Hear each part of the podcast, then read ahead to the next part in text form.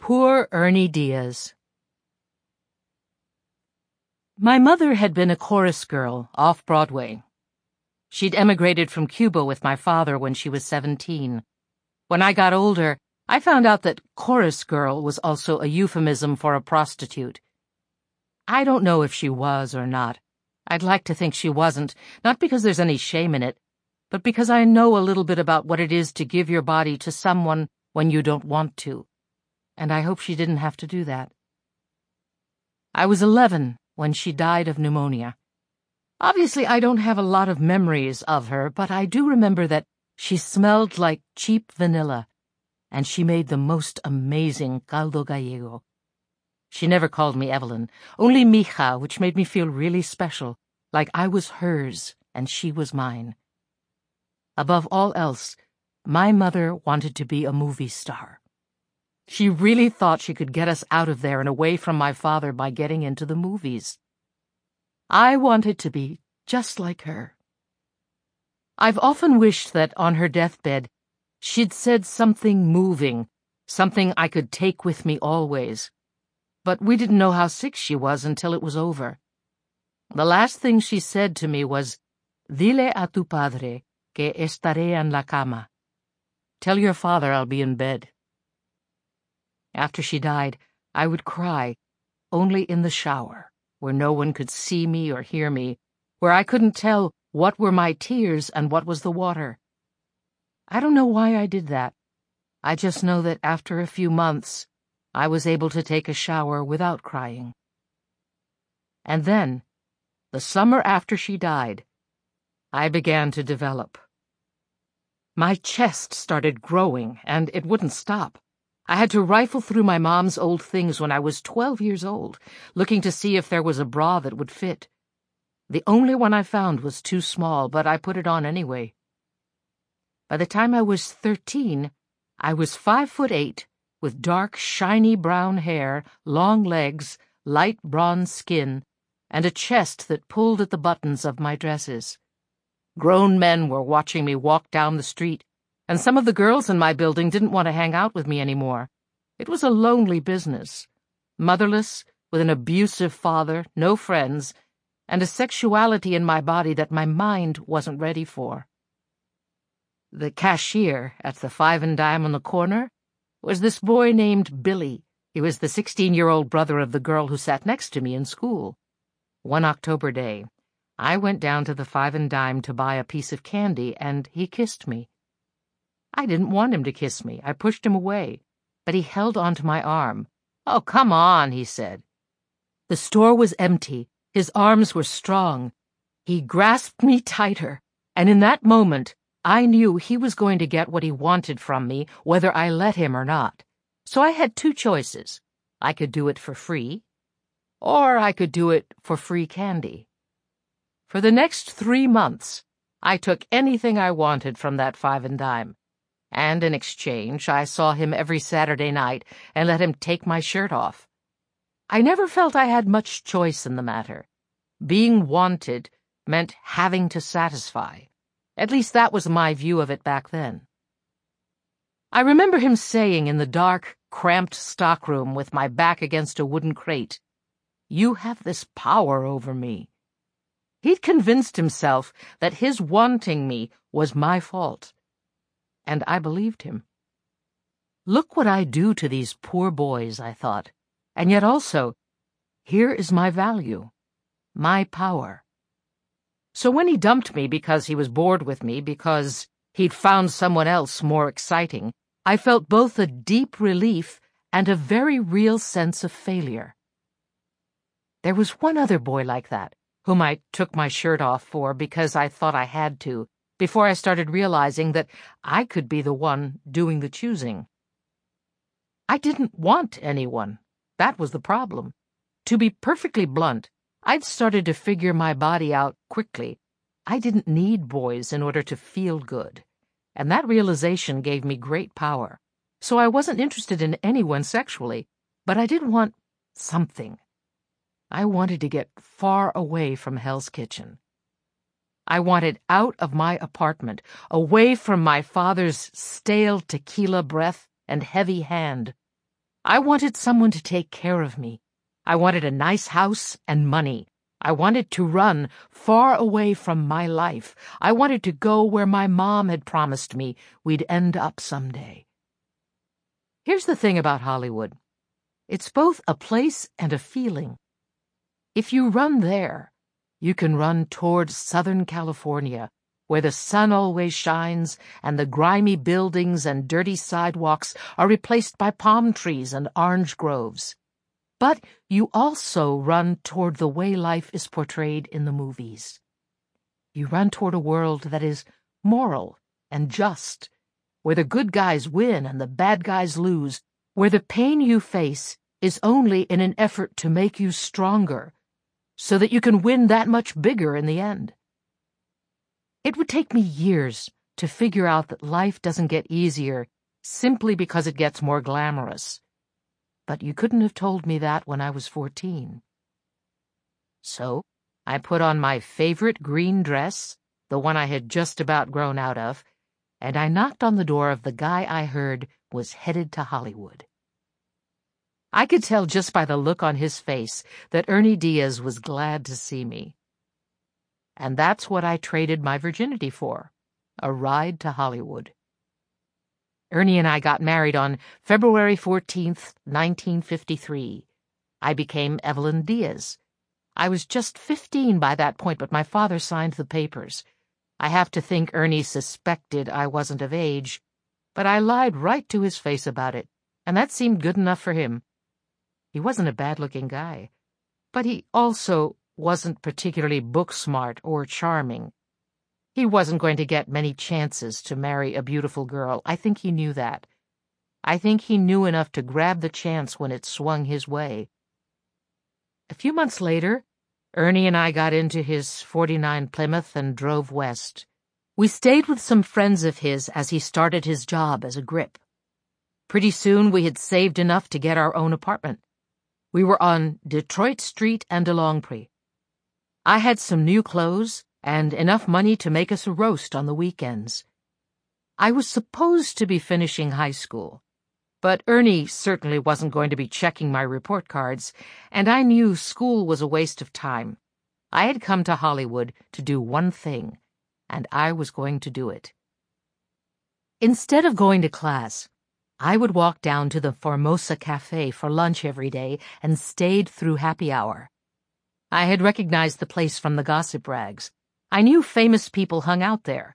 It was right next to a movie studio. The red building with cursive writing and a black awning became my daily spot. I knew it was a lame move, but it was the only one I had. If I wanted to be an actress, I would have to be discovered and I wasn't sure how you went about that except by hanging around the spots where movie people might be. So I went there every day and nursed a glass of Coke. I did it so often and for so long that eventually the bartender got sick of pretending he didn't know what gamble I was running. Look, he said to me about three weeks in, if you want to sit around here hoping Humphrey Bogart shows up, that's fine, but you need to make yourself useful. I'm not giving up a paying seat for you to sip a soda. He was older, maybe fifty, but his hair was thick and dark. The lines on his forehead reminded me of my father's. What do you want me to do? I asked him. I was slightly worried that he'd want something from me that I had already given to Ernie. But he threw a waiter's pad at me and told me to try my hand at taking orders.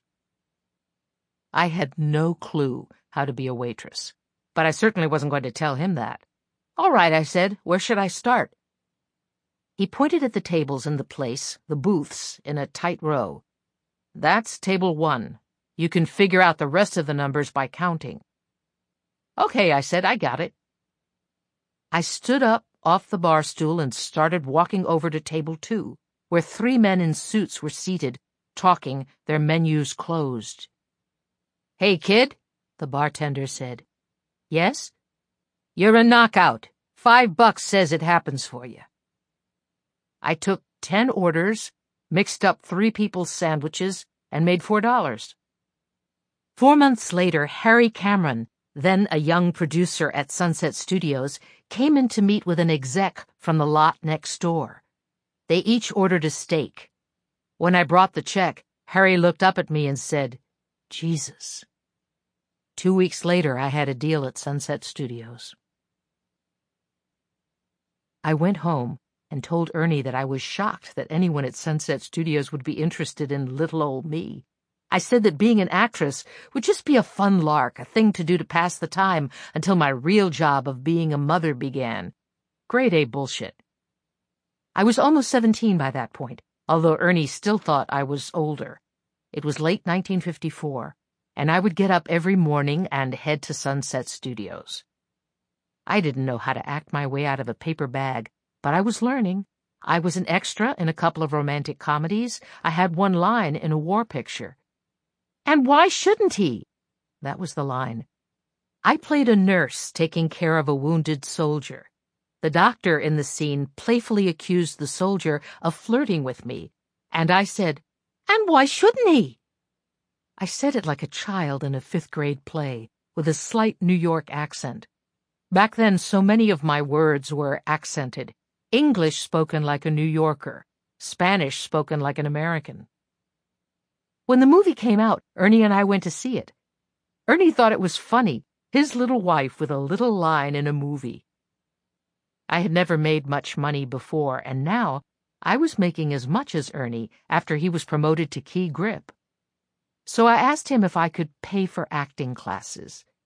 I'd made him arroz con pollo that night, and I specifically didn't take my apron off when I brought it up. I wanted him to see me as harmless and domestic. I thought I'd get further if I didn't threaten him. It grated on my nerves to have to ask him how I could spend my own money, but I didn't see another choice. Sure, he said. I think it's a smart thing to do. You'll get better, and who knows, you might even star in a picture one day. I would star. I wanted to punch his lights out. But I've since come to understand that it wasn't Ernie's fault. None of it was Ernie's fault. I'd told him I was someone else, and then I started getting angry that he couldn't see who I really was. Six months later, I could deliver a line with sincerity. I wasn't great by any means, but I was good enough. I'd been in three more movies, all day player roles. I'd heard there was a part open to play Stu Cooper's teenage daughter in a romantic comedy, and I decided I wanted it. So I did something that not many other actresses at my level would have had the guts to do. I knocked on Harry Cameron's door. Evelyn, he said, surprised to see me, to what do I owe the pleasure? I want the Caroline part, I said, in Love Isn't All. Harry motioned for me to sit down. He was handsome for an executive. Most producers around the lot were rotund, a lot of them losing their hair.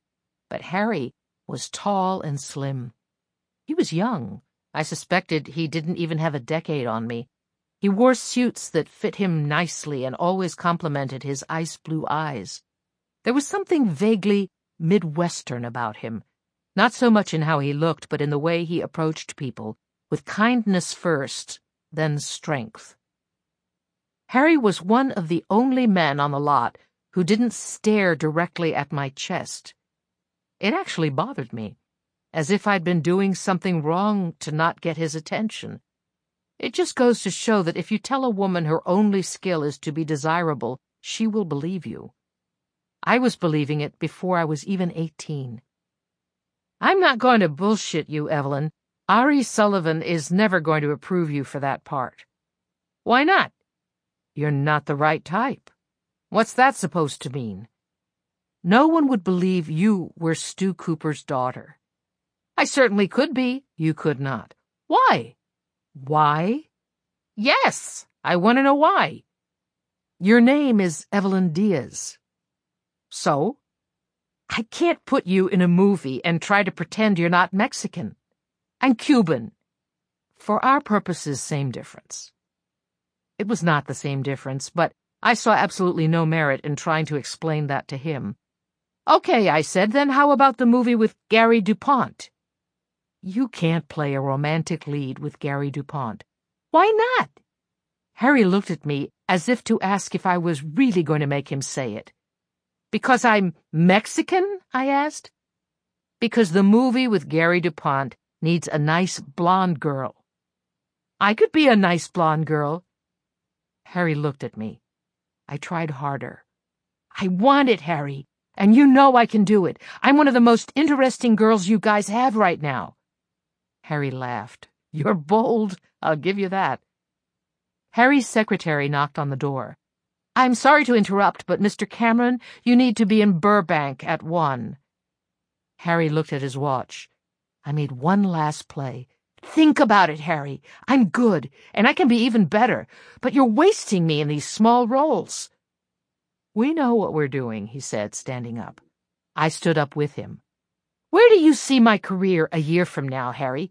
Playing a teacher with three lines? Harry walked past me and opened his door, ushering me out. We'll see, he said. Having lost the battle, I resolved to win the war. So the next time I saw Ari Sullivan at the studio dining hall, I dropped my purse in front of him and accidentally gave him an eyeful as I bent down to pick it up. He made eye contact with me, and then I walked away as if I wanted nothing from him, as if I had no idea who he was. A week later, I pretended I was lost in the executive offices, and I ran into him in the hallway. He was a portly guy, but it was a weight that suited him. He had eyes that were so dark brown it was hard to make out the irises, and the kind of five o'clock shadow that was permanent. But he had a pretty smile, and that was what I focused on. Mrs. Diaz, he said. I was both surprised and not surprised to find that he had learned my name. Mr. Sullivan, I said. Please call me Ari. Well, hello, Ari, I said, grazing my hand on his arm. I was seventeen. He was forty-eight. That night, after his secretary left for the day, I was laid across his desk with my skirt around my hips and Ari's face between my legs. It turned out Ari had a fetish for orally pleasing underage girls. After about seven minutes of it, I pretended to erupt in reckless pleasure. I couldn't tell you whether it was any good, but I was happy to be there because I knew it was going to get me what I wanted. If the definition of enjoying sex means that it is pleasurable, then I've had a lot of sex that I didn't enjoy. But if we're defining it as being happy to have made the trade, then, well, I haven't had much I hated. When I left, I saw the row of Oscars that Ari had sitting in his office. I told myself that one day I'd get one too. Love Isn't All and the Gary DuPont movie I'd wanted came out within a week of each other.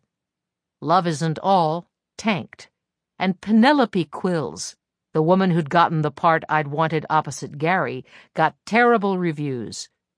I cut out a review of Penelope and sent it by interoffice mail to Harry and Ari with a note that said, I would have knocked it out of the park. The next morning, I had a note from Harry in my trailer. Okay, you win. Harry called me into his office and told me that he had discussed it with Ari and they had two potential roles for me. I could play an Italian heiress as the fourth lead in a war romance, or I could play Jo in Little Women. I knew what it would mean, playing Jo. I knew Jo was a white woman, and still I wanted it. I hadn't gotten on my back just to take a baby step. Jo, I said, give me Jo. And in so doing, I set the star machine in motion. Harry introduced me to studio stylist Gwendolyn Peters. Gwen bleached my hair and cut it into a shoulder-length bob. She shaped my eyebrows. She plucked my widow's peak. I met with a nutritionist who made me lose six pounds exactly, mostly by taking up smoking and replacing some meals with cabbage soup. I met with an elocutionist who got rid of the New York in my English and who banished Spanish entirely. And then, of course, there was the three-page questionnaire I had to fill out about my life until then. What did my father do for a living? What did I like to do in my spare time? Did I have any pets? When I turned in my honest answers, the researcher read it in one sitting and said, Oh, no, no, no. This won't do at all. From now on, your mother died in an accident, leaving your father to raise you. He worked as a builder in Manhattan, and on weekends during the summer, he'd take you to Coney Island. If anyone asks, you love tennis and swimming, and you have a St. Bernard named Roger. I sat for at least a hundred publicity photos. Me with my new blonde hair, my trimmer figure, my whiter teeth. You wouldn't believe the things they made me model. Smiling at the beach, playing golf, running down the street being tugged by a St. Bernard that someone borrowed from a set decorator. There were photos of me salting a grapefruit, shooting a bow and arrow, getting on a fake airplane. Don't even get me started on the holiday photos. It would be a sweltering hot September day, and I'd be sitting there in a red velvet dress, next to a fully lit Christmas tree, pretending to open a box that contained a brand new baby kitten. The wardrobe people were consistent and militant about how I was dressed, per Harry Cameron's orders, and that look always included a tight sweater buttoned up just right. I wasn't blessed with an hourglass figure. My ass might as well have been a flat wall. You could hang a picture on it. It was my chest that kept men's interest. And women admired my face. To be honest, I'm not sure when I figured out the exact angle we were all going for, but it was sometime during those weeks of photo shoots that it hit me. I was being designed to be two opposing things, a complicated image that was hard to dissect but easy to grab onto. I was supposed to be both naive and erotic. It was as if I was too wholesome to understand the unwholesome thoughts you were having about me. It was bullshit, of course, but it was an easy act to put on. Sometimes I think the difference between an actress and a star is that the star feels comfortable being the very thing the world wants her to be and I felt comfortable appearing both innocent and suggestive.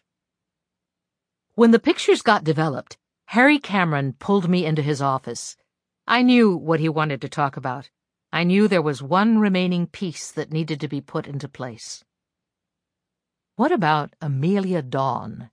That has a nice ring to it, doesn't it? He said. The two of us were sitting in his office, him at his desk, me in the chair. I thought about it. How about something with the initials E.H.? I asked. I wanted to get something as close to the name my mother gave me, Evelyn Herrera, as I could. Ellen Hennessy? He shook his head. No, too stuffy. I looked at him and sold him the line I'd come up with the night before, as if I'd just thought of it. What about Evelyn Hugo? Harry smiled. Sounds French, he said. I like it. I stood up and shook his hand, my blonde hair, which I was still getting used to, framing my sight. I turned the knob to his door, but Harry stopped me. There's one more thing, he said. Okay? I read your answers to the interview questions. He looked at me directly. Ari is very happy with the changes you've made. He thinks you have a lot of potential. The studio thinks it would be a good idea if you went on a few dates. If you were seen around town with some guys like Pete Greer and Brick Thomas, maybe even Don Adler. Don Adler was the hottest actor at Sunset. His parents, Mary and Roger Adler, were two of the biggest stars of the 1930s. He was Hollywood royalty. Is that going to be a problem? Harry asked. He wasn't going to mention Ernie directly because he knew he didn't have to. Not a problem, I said, not at all. Harry nodded. He handed me a business card. Call Benny Morris. He's a lawyer over in the bungalows. Handled Ruby Riley's annulment from Mac Riggs. He'll help you straighten it out. I went home and told Ernie I was leaving him. He cried for six hours straight, and then in the wee hours of the night, as I lay beside him in our bed, he said, Bien, if that's what you want. The studio gave him a payout, and I left him a heartfelt letter telling him how much it hurt me to leave him. It wasn't true, but I felt I owed it to him to finish out the marriage as I'd started it, pretending to love him. I'm not proud of what I did to him. It didn't feel casual to me, the way I hurt him. It didn't then, and it doesn't now. But I also know how badly I'd needed to leave Hell's Kitchen. I know what it feels like to not want your father to look at you too closely, lest he decides he hates you and hits you, or decides he loves you a little too much. And I know what it feels like to see your future ahead of you, the husband who's really just a new version of your father, surrendering to him in bed when it's the last thing you want to do, making only biscuits and canned corn for dinner because you don't have money for meat. So how can I condemn the 14-year-old girl who did whatever she could to get herself out of town? And how can I judge the 18-year-old who got herself out of that marriage once it was safe to do so? Ernie ended up remarried to a woman named Betty, who gave him eight children. I believe he died in the early 90s, a grandfather many times over. He used the payout from the studio to put a down payment on a house in Mar Vista, not far from the Fox lot. I never heard from him again. So if we are going by the metric that all's well that ends well, then I guess it's safe to say that I'm not sorry. Evelyn? Grace says as she comes into the room. You have a dinner with Ronnie Bielman in an hour. I just wanted to remind you. Oh, right, Evelyn says. Thank you. She turns to me once Grace has left. How about we pick this up tomorrow, same time? Yeah, that's fine, I say, starting to gather my things. My left leg has fallen asleep, and I tap it against the hardwood to try to wake it up. How do you think it's going so far? Evelyn asks as she gets up and walks me out. You can make a story out of it. I can do anything, I say. Evelyn laughs and says, Good girl. How are things? My mom asks the moment I pick up the phone. She says, things, but I know she means, how is your life without David? Fine, I say as I set my bag on the couch and walk toward the refrigerator. My mother cautioned me early on that David might not be the best man for me. He and I had been dating a few months when I brought him home to Encino for Thanksgiving. She liked how polite he was, how he offered to set and clear the table. But in the morning before he woke up on our last day in town, my mom told me she questioned whether David and I had a meaningful connection. She said she didn't see it. I told her she didn't need to see it, that I felt it. But her question stuck in my head. Sometimes it was a whisper, other times it echoed loudly. When I called her to tell her we'd gotten engaged a little more than a year later, I was hoping my mother could see how kind he was, how seamlessly he fit into my life. He made things feel effortless. And in those days, that seemed so valuable, so rare. Still, I worried she would air her concerns again, that she would say I was making a mistake. She didn't. In fact, she was nothing but supportive. Now I'm wondering if that was more out of respect than approval.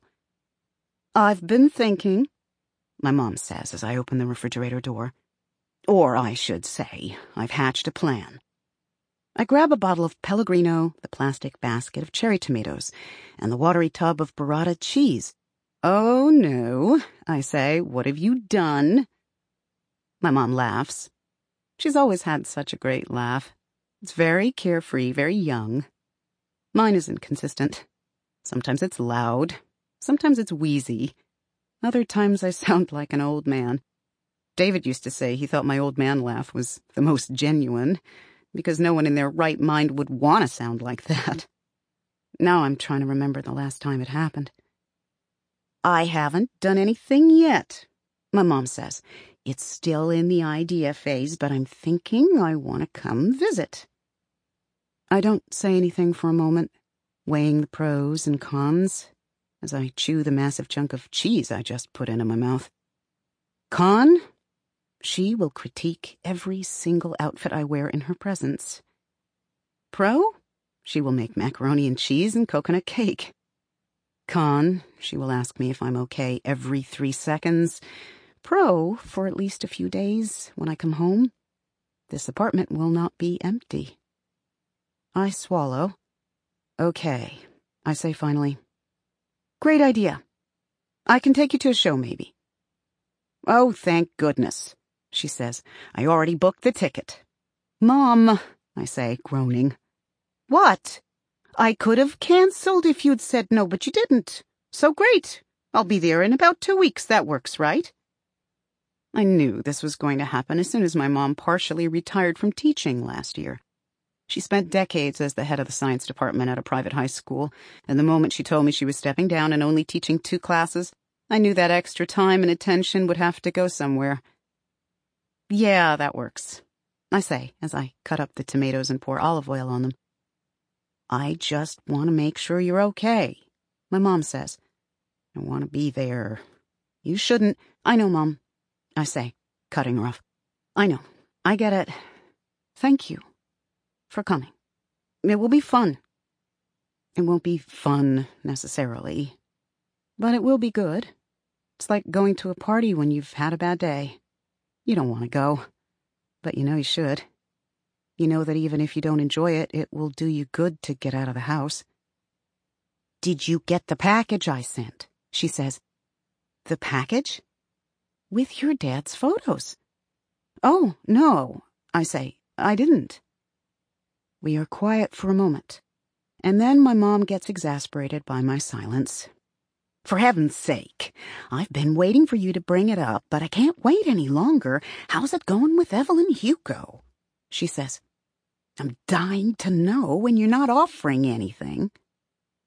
I pour my Pellegrino and tell her that Evelyn is somehow both forthright and hard to read.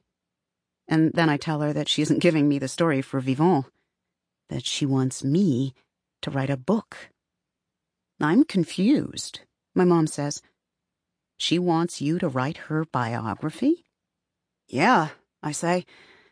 And as exciting as it is, there's something weird about it. I mean, I don't think she ever considered doing a piece with Vivant at all. I think she was.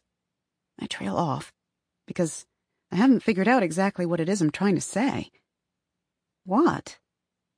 I think about it more. Using Vivant to get to me. I don't quite know. But Evelyn is very calculating. She's up to something. Well, I'm not surprised. She wants you. You're talented. You're bright. I find myself rolling my eyes at my mother's predictability, but I do still appreciate it. No, I, I know, Mom. But there's another layer here. I'm convinced of it. That sounds ominous. I guess so. Should I be worried? My mom asks. I mean, are you worried? I hadn't thought about it in such direct terms, but I suppose my answer is no. I think I'm too intrigued to be worried, I say. Well, then, just make sure you share the real juicy stuff with your mother. I did suffer through a 22 hour labor for you. I deserve this. I laugh, and it comes out just a little bit like an old man. All right, I say. I promise. Okay, Evelyn says. Are we ready? She is back in her seat. I am in my spot at the desk. Grace has brought us a tray with blueberry muffins, two white mugs, a carafe of coffee, and a stainless steel creamer. I stand up, pour my coffee, add my cream, walk back to the desk, press record, and then say, Yes, ready. Go for it. What happened next?